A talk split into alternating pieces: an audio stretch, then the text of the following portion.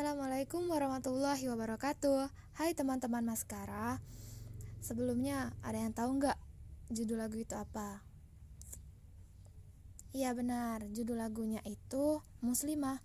Seperti apa yang mau kita bahas hari ini di podcast kali ini tentang Muslimah. Yuk langsung aja. Sebelumnya aku mau nanya nih ke kalian. Kalian tahu nggak sih uh, Muslimah itu apa? Aku yakin jawaban kalian semuanya benar ya. Tapi hari ini kita sharing sedikit tentang muslimah. Jadi, perempuan yang mengucapkan dua kalimat syahadat menunjukkan bahwa ia telah mengikrarkan kalau ia adalah muslimah. Pun, perempuan yang terlahir dari orang tua beragama Islam, dia otomatis adalah seorang muslimah. Ketika perempuan dikatakan muslimah, maka ia akan memiliki tiga sifat. Apa aja ya tiga sifat itu? Dan kira-kira kita sudah mempunyai tiga sifat ini belum ya dalam diri kita? Pertama, tunduk. Yang kedua, patuh. Yang ketiga, taat. Tunduk, patuh, taat kepada siapa? Jelas, kepada perintah Allah Subhanahu wa taala. Wahai muslimah, tahukah kamu bahwa seorang muslimah memiliki tiga kekhususan yang disebutkan di dalam Al-Quran, yaitu mengandung, melahirkan, dan memberikan ASI, yang mana ketiga keistimewaan ini tidak dimiliki oleh seorang muslim.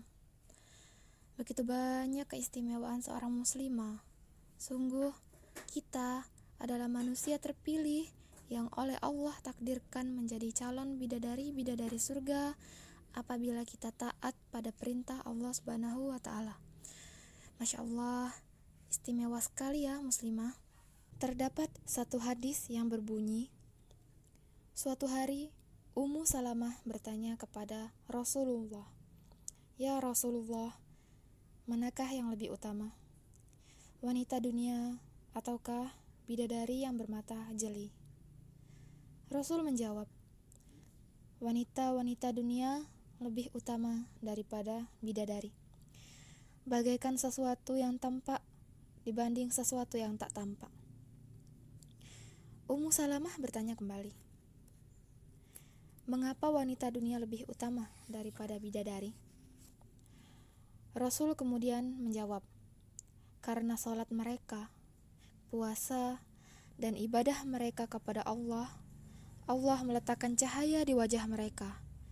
Tubuh mereka bagaikan kain sutra, kulitnya putih bersih, pakaiannya berwarna hijau, perhiasannya kekuningan, sanggulnya mutiara, dan sisirnya terbuat dari emas.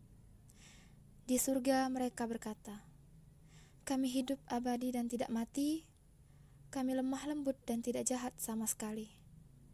Kami selalu mendampingi dan tidak beranjak sama sekali. Kami ridho dan tidak pernah marah sama sekali. Berbahagialah orang yang memiliki kami dan kami memilikinya. Hadis riwayat Tabrani. Selain hadis yang tadi, juga terdapat salah satu hadis lagi yang menyebutkan kemuliaan muslimah. Hadis tersebut berbunyi, Datang seseorang kepada Nabi Wasallam.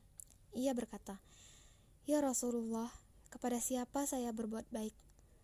Rasul pun menjawab, ibumu. Kemudian ia bertanya lagi, kepada siapa lagi ya Rasulullah?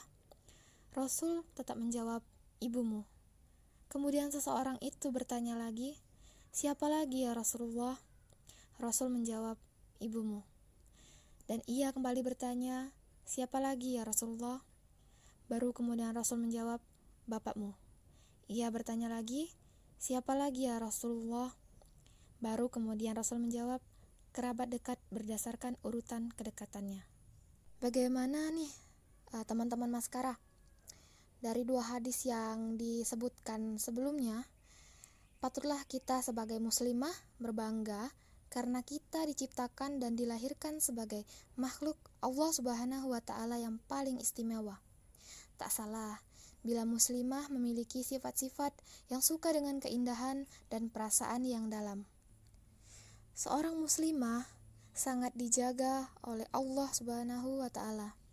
Baik dari perilaku, perbuatan, cara berbicara, dan juga cara berpakaian. Nah, teman-teman, kalian mau tahu nggak bagaimana Islam mengatur cara berbicara dan cara berpakaian seorang muslimah? Nantikan ceritanya di next podcast Maskara ya. Alhamdulillah, sampai sini dulu ya sharing-sharing tentang muslimah hari ini. Terima kasih teman-teman Maskara yang sudah mendengar podcast kali ini. Sampai jumpa semuanya. Sehat selalu ya. Assalamualaikum.